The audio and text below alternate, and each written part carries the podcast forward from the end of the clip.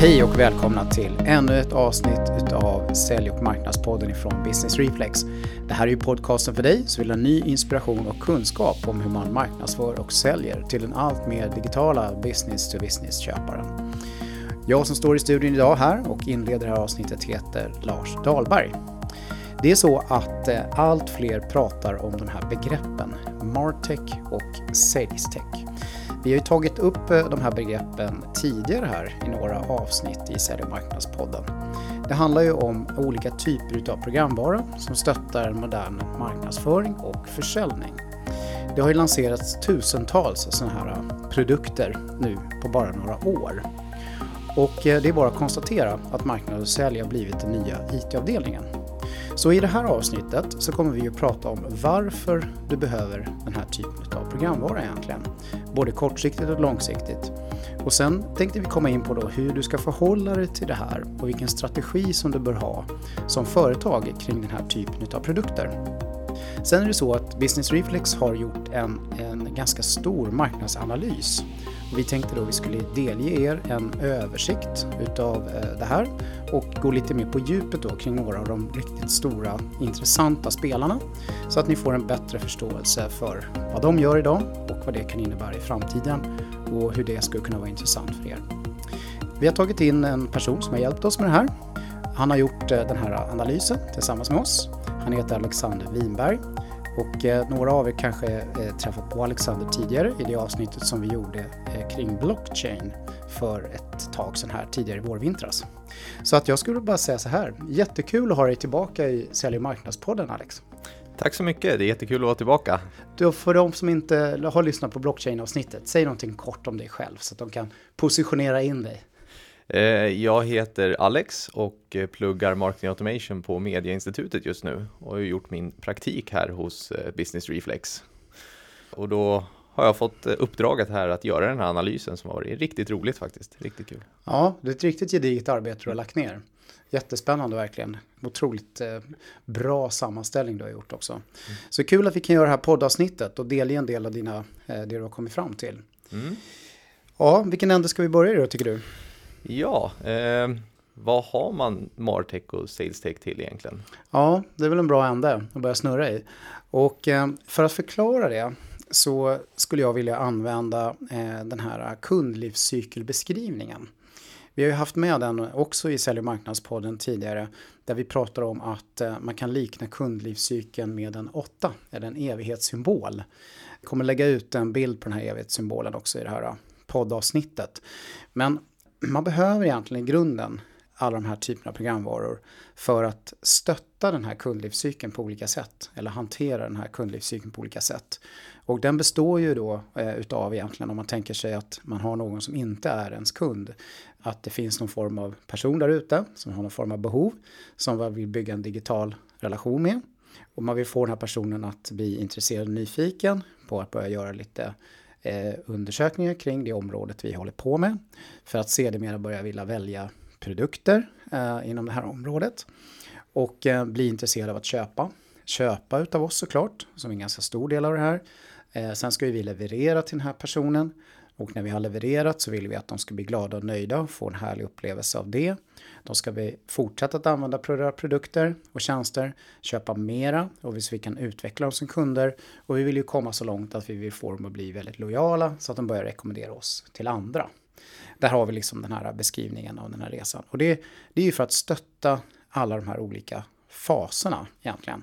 Som man måste stoppa in all den här programvaran. Men eh, Alex, om vi skulle ta och eh, titta på det här lite grann utifrån de här stackarnas perspektiv då. Mm.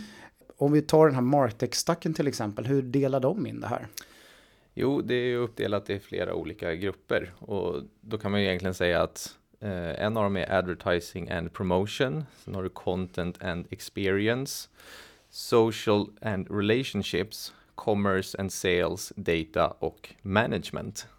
Precis, och de har ju sin tur naturligtvis i den här Martech-stacken delat in det här i väldigt mycket små detaljområden, men övergripande är det indelat så här.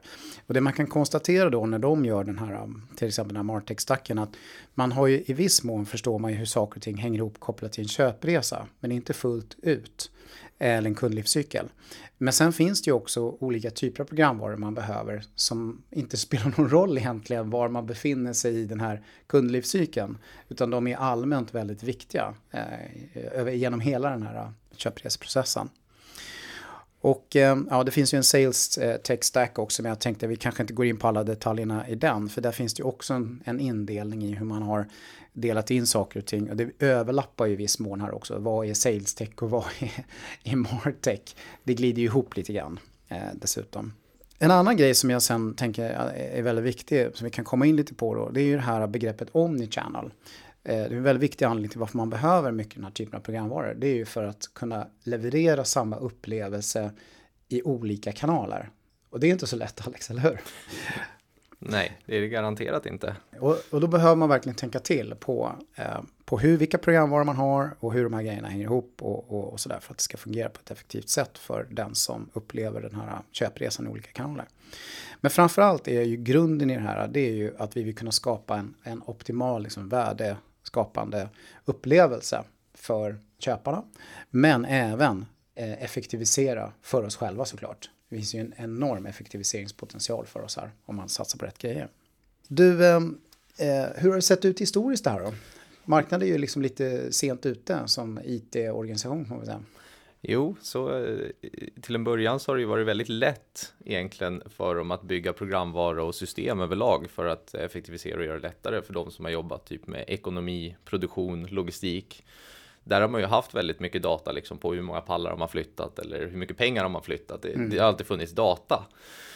Marknadsföring har det väl inte funnits så mycket data förrän på internet nu. Det är först nu man kan se liksom hur mm. kunder mm. klickar runt eller hur de beter sig digitalt. Eh, så det är väl därför det börjar blomstra väldigt mycket med just de här systemen egentligen skulle jag vilja säga. Mm, precis, det har liksom inte varit eh, digitaliserat för allt som sker inom marknad och sälj.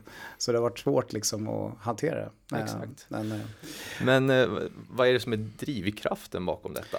Ja, eh, det är klart att det här med att köparen har blivit galet digital är ju huvuddrivkraften förstås. Men men det som också är väldigt viktigt att säga då, det är ju att vi lever i den här hyperkonkurrensvärlden där vi alla måste liksom hela tiden stretcha oss och öka vår värdeaddering jämte våra kunder. För att dels kunna fortsätta tjäna pengar eller tjäna mer pengar men att också för, för behålla och, och vidareutveckla våra kunder. Så det är väldigt mycket en grundläggande liksom drivkraft. Sen är ju en annan drivkraft i det här, det är ju det att, att när man gör det här så, så skapar man ju en väldig massa data som i sin tur innebär att man själv kan effektivisera sig på olika sätt. Och datat i sig kan ju skapa en massa andra typer av värden för en. Man kan börja eh, utveckla och erbjuda andra typer av tjänster och sånt eh, som man inte kunde tidigare innan man liksom började jobba med det här mycket mer strukturerat. Och eh, det är ju också så att den enskilda liksom konsumenten där ute, oavsett om det är B2B eller B2C, förväntas ju också hela tiden en mera högre mått av personalisering, ett högre mått av liksom enkelhet och och värdeleverans från alla egentligen. Det är som ofrånkomligt i, i grunden. Och sen blir det ju liksom det att, att det uppfinns ju massa ny teknik här som i sig blir en drivkraft förstås. Som, som gör att man måste, eller har möjligheter som man inte hade förut. Som vi kikar på. Ja, och vi kommer komma in mycket mer på det sen. Så att någonstans är det så här att det här är liksom ofrånkomligt för, eh, för, eh, för alla måste gå köra på det här. Man måste liksom börja titta på och skapa sin strategi det jag tycker är intressant Alex, att du och jag har ju sett en hel del demos av det här. Eh, mm. hur kan man, vad kan man faktiskt göra om man eh, gör liksom state of the art och verkligen använder eh, de här produkterna som har kommit längst. Eh, vi behöver inte gå igenom exakt i detalj här hur det kan gå till, men det är väldigt fascinerande, eller hur? Ja, garanterat. Eh, du kan ju liksom personali du kan ju personalisera liksom på en väldigt hög nivå för varje enskild kund egentligen. Det krävs ju väldigt mycket data, det krävs väldigt mycket liksom kunnande för att kunna göra det, men det finns där ute. Tekniken finns egentligen och den är ju på ingång mer och mer. Ja, det man ser här i demoläge, det är verkligen imponerande. Ja. Eh, hur man kan ta hand om en hel liksom, köpresa. Exakt på, på ett helt fantastiskt sätt. Och sen AI på det liksom. Ja, ja, visst. När man lägger in AI på det här då blir det, ju, det blir galet. Så man skulle kunna säga så här då, då att eh, strategiskt sett, eh, vi behöver alla börja jobba mycket mer eh, strukturerat med hela den här frågan kring Martech och SalesTech. Samtidigt är det så att väldigt mycket av de här produkterna är i sin linda. Eh, och det kommer vara en galet snabb utveckling. Och sen så är det också så att eh, man måste ju verkligen tänka på det här med att, att kan skapa en väldigt stora betydande konkurrensfördelar runt hörnet om man satsar. Inte bara kortsiktiga. Så frågan är väl egentligen lite grann vad ska man liksom göra då? Generellt sett innan vi går in och börjar prata konkreta produkter här. Ja, först måste man nog utbilda sig lite. Man måste förstå vilka lösningar som finns där ute egentligen och, och mm. hur de kan hjälpa dig. Liksom. Eh, sen vilka områden har man störst behov av att förbättra egentligen? Börja investera, skapa en långsiktig strategi vilka, för vilka områden och i vilken ordning och så vidare. Välja en leverantör som ni kan utveckla eller som kan utveckla er långsiktigt. Liksom. Precis, jag tror att det börjar bli ganska viktigt mm. det där om man ska satsa på det här nu. Att eh, verkligen börja titta på leverantörer som man kan leva med över tid. Exakt. För att det här ska bli effektivt. Och sen, eh, ja, vilka utmaningar står man egentligen inför? Ja, det är ju det som är grejen lite grann. Jag tror att eh, alla som lyssnar på avsnittet inser att eh, det finns ju galet mycket utmaningar kring det här. Men bara det faktum att det är så otroligt många system är ju väldigt utmanande. Och att de här är helt liksom nya. Eh, och det är väldigt få egentligen också generellt sett som har börjat använda dem. Det finns massa overlap mellan dem på olika sätt och vis. Eh, det är svårt att förstå hur de ska liksom hänga ihop och man kan integrera dem med varandra, för det behöver man göra. Eh, mycket osäkra leverantörer. Teknikutvecklingen som sagt går ju galet snabbt. Och, och, och hur ska man liksom tänka kring det för att man ska kunna få åtnjuta liksom fördelar i steg två och steg tre sen när man väl har börjat använda en produkt. För det är ju ändå det som framförallt skapar det stora mm. värdet när man har kommit en bit på vägen. Och det är ju också så att det blir jättejobbigt att byta sådana här system. För att de blir väldigt affärskritiska väldigt snabbt. Så att, eh, och sen sitter man ju liksom kanske i en ny situation då. Man får in nya typer av programvaror som ska fungera tillsammans, som ska fungera i en driftsmiljö ihop med befintliga programvaror som man har och sådär. Så att det är väldigt fyllt med liksom utmaningar här. Det är som bäddat för att man kanske behöver ta hjälp på olika sätt. Men du, eh, återigen då, ska vi prata lite grann om vilka typer av system här som man faktiskt har börjat implementera Alex, innan vi mm. kommer in på de som vi faktiskt har tittat på. Absolut. Eh, säljstöd är väl ett av dem eh, där man har impl implementerat mm, ganska precis. länge egentligen. Och om man ska ta något nytt då, där istället för ett gammalt CRM-system så finns det något som heter Vine till exempel. Mm. Eh, Väldigt man, intressant produkt. Ja, mm. eh, den hämtar, hjälper egentligen till att hämta ny och färsk data till CRM-systemen så att säljarna får eh, nya färska prospects helt enkelt. Mm. Skapa segmenteringar. Ja, och, ja, man filtrerar ut ja. det, det som är intressant för ert företag eh, och så gör Vine det att de skickar datan till er egentligen. Sen marketing automation, där behöver vi nog inte gå in på så många system. Nej. Det är många som känner till de olika. Det är ett system, systemflora som verkligen många har ja. börjat investera i nu. Själva nyttjandet är det lite sådär med, men, men i alla fall börja köpa och prova runt med det. Det är, väldigt, det är på uppgång i alla fall. Content-hubbar. Eh, en som jag tycker var väldigt intressant där är Watson Content Hub. Eh, då, an då, använder man egentligen AI för att sortera all content. Mm. Eh, så du, ja, de som är content creators, de bara laddar upp allting på, i clouden där och till Watson Content mm. Hub och sen sorterar den rätt och när du ska använda det för försäljning så drar du bara en sökning på det du behöver egentligen. Ja, och många av de företag som har investerat stort i mm. content marketing och sådär har ju blivit tvungna att investera i den här typen av, av produkter också för att managera och hantera allt det här contentet mm. på ett strukturerat sätt.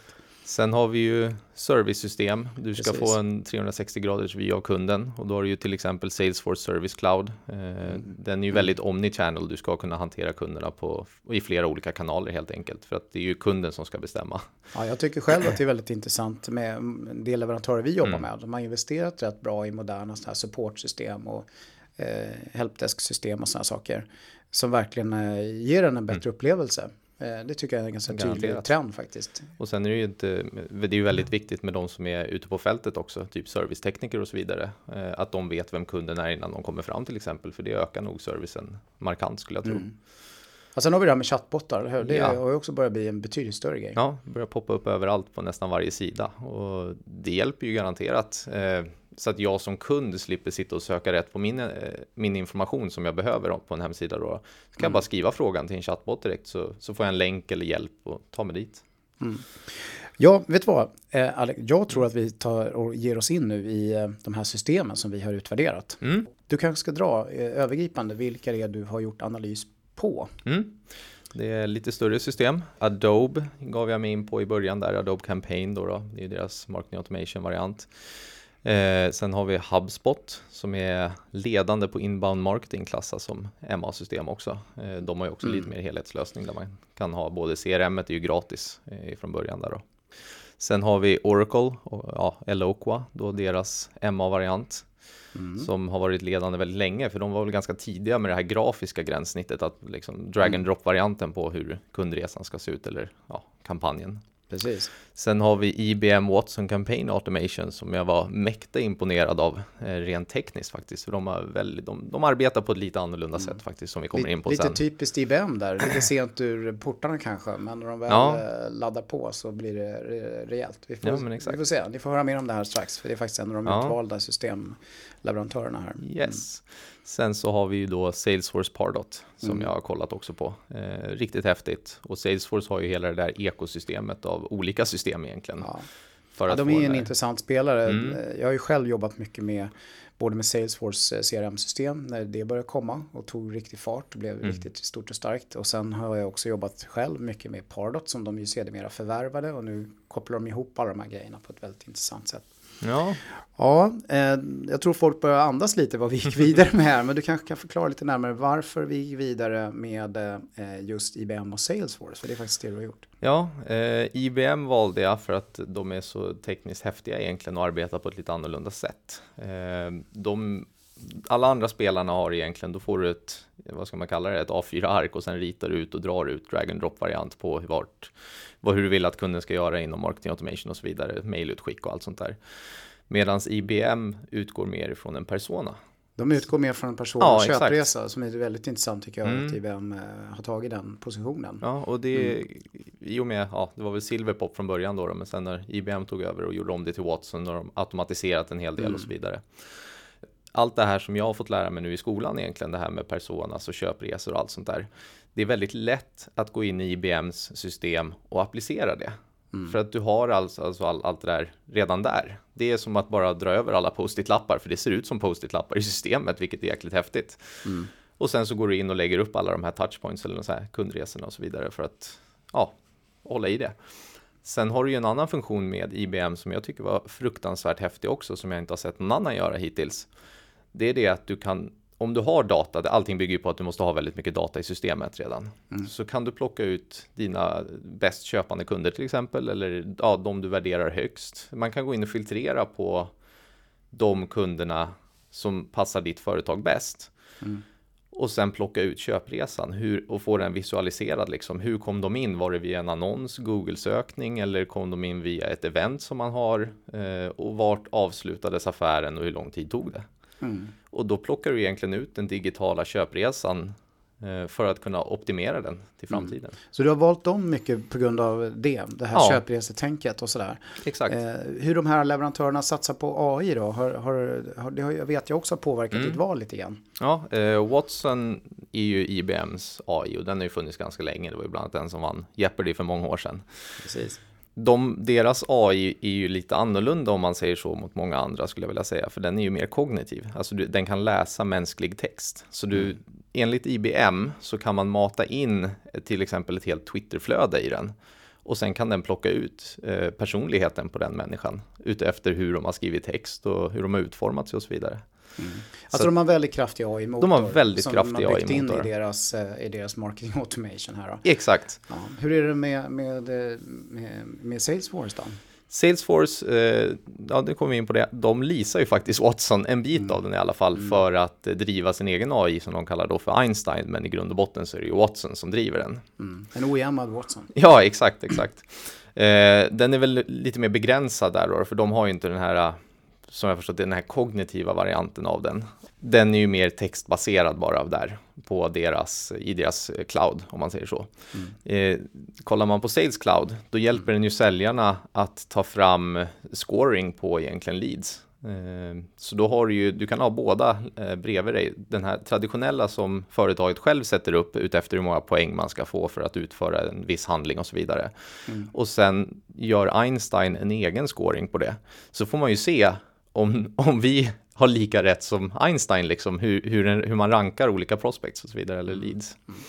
Ja, det är bra. Du mm. kom in och började berätta lite grann om de här leverantörerna.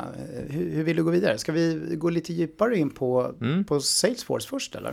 Ja, exakt. Anledningen till att jag valde att gå vidare med dem i grund och botten är för att de är så stora. De har ju så många kunder, de har väldigt hög kundnöjdhet, de är väldigt framåt i tänket. De har en vd som gillar att visa upp sig och liksom ta tag i framtiden och säga det här ska vi satsa på. Mm. Och det är ju ganska roligt att de har en sån stark community. Ja. Och på det så har de hela cloudlösningen då, då eh, ja, för hela kundlivscykeln, den här åttan då, eller infinity-symbolen.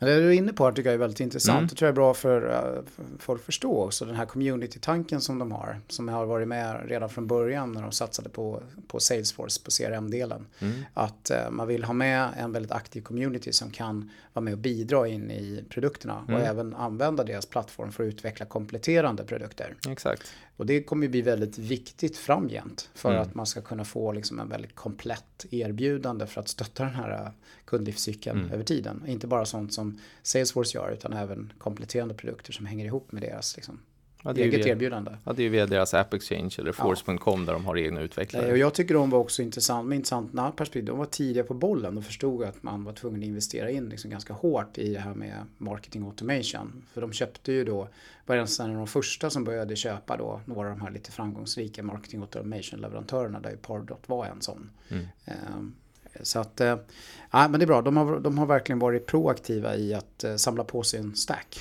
Ja, garanterat. kan man säga, inom konceptet. Ja, vad är det de erbjuder för typ av funktionalitet då? Det är det vi ska gå in på lite kanske. Ja, eh, delvis har du ju deras vanliga eh, Sales Cloud, det är ju deras CRM-system. Mm. Ett klassiskt CRM. Ett klassiskt mm. CRM egentligen. Mm. Bara det att nu har de ju uppdaterat, jag vet inte om det var så länge sedan, men Lightning-moduler och så vidare för att få ut det mer i mobiler och handhåll, handhållna enheter så att säljarna kan mer vara ute på fältet istället mm. för att sitta och ringa. Och eh, den Lightning-delen den gäller ju även för Service Cloud. Så att har du eh, servicemänniskor på plats ute så ska de också kunna ta del av all information som finns i CRM. Just det, de har den här kompletterande produkten exakt, exakt. Service Cloud som, som är mer för den eftermarknadsdelen. Exakt, Service Cloud är ju mer för den då, då eh, mm. delen med Lightning även applicerbar på den på så den, att alla ja. kan ta del av det. Mm. Sen så har de ju Commerce Cloud. Det är ju en, ganska ny, nytt för dem tror jag. Ja. Där de har typ mer som ett CMS-system egentligen. Ja. Eh, och det CMS-systemet det använder ju också AI som jag har förstått det för att rekommendera produkter och så vidare. Ja, vi är med i handel och sådana saker. Exakt, ja. mm. exakt.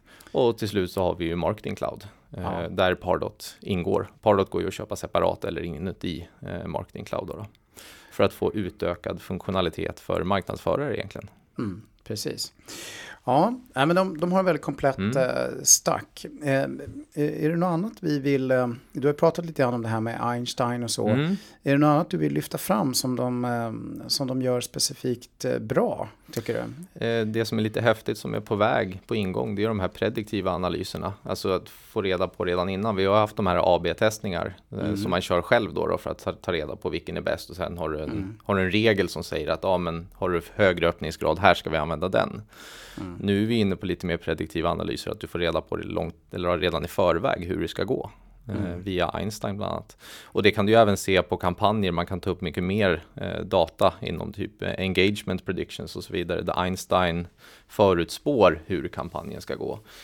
Och det är ju en enorm hjälp för en marknadsförare, för ofta vill man ju veta vad funkar bäst. Mm. Och har du, har, man har all data, men du, det är ju väldigt svårt att ta tag i det själv liksom och veta vad som ska gå bäst.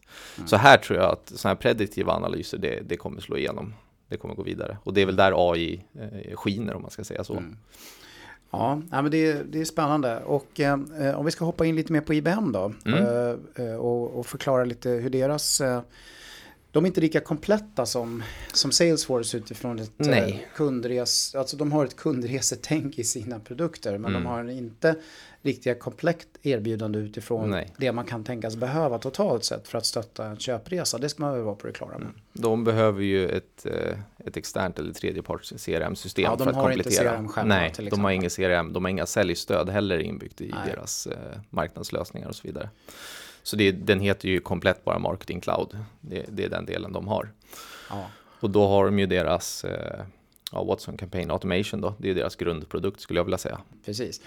Och sen har ju de, men de har också eh, hela det här med webb, webb content management, e-handel. Ja, eh, exakt.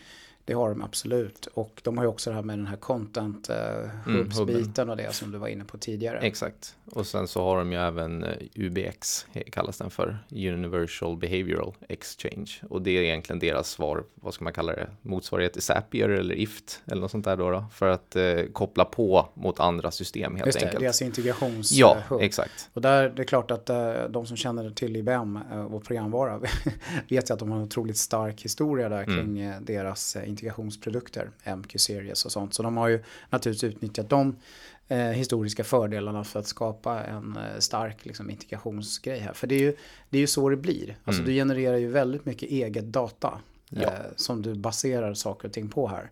Men här kan du också då på ett effektivt sätt integrera andra system. Ja men exakt. Och även sociala mm. medier och allting egentligen.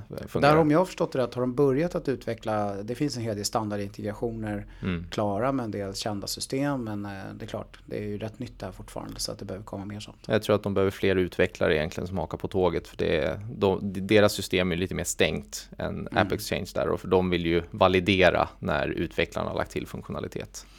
Ja, du touchade lite grann på en del saker som de gör väldigt bra. Mm. Det här med köp, eh, köpresetänket och sådär. Är, är det några andra grejer som du skulle vilja lyfta fram som eh, är specifikt intressanta med eh, deras eh, erbjudande? Ja, en sak jag skulle lägga till där med campaign automation, det är väl egentligen det här med tillbaka till deras AI lite grann. Mm. Att de satsar ju stenhårt på det här med voice, alltså mm. att man ska prata med Watson. Mm. Eh, det har de ju lagt till där då för att få fram, till exempel om en marknadsförare ska skicka ett mail. Så istället för att sitta och skriva allting eller göra allting för hand så kan man bara be Watson ta fram, ja men vilken är bäst subject line i det här mejlet? Eh, vilken har en bäst sentiment på det? Och då rankar Watson helt enkelt de orden som ligger högst upp i listan som leder till flest ja, eh, open rate på e-mail och så vidare. Just det. Och sen om jag har förstått dig rätt så ja. har de också en annan eh, intressant eh, AI-relaterad funktionalitet där man kan, där de, eh, man kan liksom föreslå vilka eh, köpares köpresor som, blir, som är bäst helt enkelt. Ja, exakt. vilka som fungerar bäst. Ja. Ja, det var ju det, det vi var inne på här. Ja. Eh, det här med köpresor och digitala touchpoints egentligen. Det är ju riktigt jäkla häftigt att kunna plocka ut det. Mm. För det leder ju till att du kan, då kan man ju sen ringa dem som är bäst digitalt för att se hur de även beter sig omnichannel eller i butiker och så vidare för att få fram den perfekta köparen egentligen. Om vi ska försöka göra oss på någon sån här liten så här uh, klassisk SWOT-analys då. Mm. Um, strength, weaknesses, opportunities och threats. Mm. Um, men ska vi börja med? Vi börjar med IBM eller? Ja, kan vi göra. Eh, jag skulle nog vilja säga att deras styrka, Precis. deras styrka mm. det är att de har en väldigt stark AI. Det är mm. Watson, men det, det, är ju det det bygger på väldigt mycket idag. Eh, mm. Och sen att eh, röststyrning i framförallt USA ökar väldigt mycket. Eh, ja, man kan och, ge instruktioner själv ja. som administratör och användare till systemen. Och det, då har vi liksom uh, Google Home och Amazon Alexa och de, de, de leder ju framkant. Så röststyrning ökar ju hela tiden och det ja. kommer nog hit till Sverige till slut också. Ja. Ja. Stort företag. Ja. Mm. Stabil mm. leverantör. Satsar de, satsar de ordentligt. Jajamensan. Ja, har vi för svagheter där då? De förlitar sig lite på tredjeparts CRM idag. De har ju ingen egen lösning där så de måste erbjuda den här typ eh, UBX för att vara relevanta egentligen. Mm, för det behöver man ju, mm. absolut. Man måste ju kunna ha ett eh, CRM och ett säljstöd ihop med alltihopa det här. Ja. Så att eh, så är det. Jag, jag, tror faktiskt att eh, jag tyckte jag såg att de, de har ett motsvarande samarbete som Salesforce har med dem. Mm. med eh, Watson så har de verkar ha ett rätt strategiskt samarbete med Salesforce kopplat till just CRM och säljstöd. Exakt. Kändes det som. Ja, de integrerar väldigt väl mot Salesforce. Ja, precis. Ja, Sen, vad säger vi mer om ja, opportunities? Um, de hanterar sin egen data helt och hållet. De driver mm. sitt eget moln egentligen och de tänker väldigt modernt. Alltså det är, mm. i och med det här med kundresor och touchpoints och personas så skulle jag vilja säga att de tänker väldigt modernt egentligen. Ja, en, en sak som är intressant här som de lyfter fram väldigt tydligt mm. det är just att allt data som genereras här eh, om du är deras kund är ditt data. Ja. Det, det hamnar inte hos någon annan. Nej, exakt. Som det gör i andra sammanhang. Ja.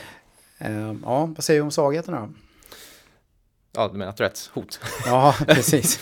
precis. Eh, precis. Vi hoppar här mellan språken, vi hej vilt. Eh, de har en väldigt rörig hemsida. Det är svårt att få ett grepp om exakt vilken funktionalitet de har. Det tog väldigt lång tid för mig ja, att, att samla ihop det. Ja, det var väldigt tuff research, för det är väldigt rörigt egentligen. Och sen är de ju ganska svaga på sin egna, egna marknadsföring egentligen. Ja, jag skulle faktiskt vilja säga att eh, flera av de här stora aktörerna här, de har ganska röriga organisationer när det gäller det här. De är inte så vana att, att sälja det här. Nej. Det är inte alltid helt lätt att få till de riktigt bra mötena med de här. Eh, så, och få till, kontakt med riktigt rätt personer som verkligen förstår och kan berätta eh, hur de här grejerna fungerar.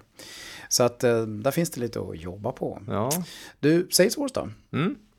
Eh, ja, deras styrka, de nyttjar ju Watsons AI som är väldigt stark. Eh, mm. Det ser jag som någonting positivt de har en helhetslösning egentligen, hela kundlivscykeln där. Det, är, mm. det är ju mm. väldigt starkt, är man ute efter eh, att köpa liksom ett system, då vill man ju gärna fortsätta använda samma leverantör skulle jag tänka mig. Mm. Eh, och för att få hela den där helhetslösningen, då Salesforce är ju jättebra där egentligen. Ja, det är, det är klart en styrka förstås. Sen så har de en väldigt stark community bakom sig. Ja, precis, eh, det de har ju, på.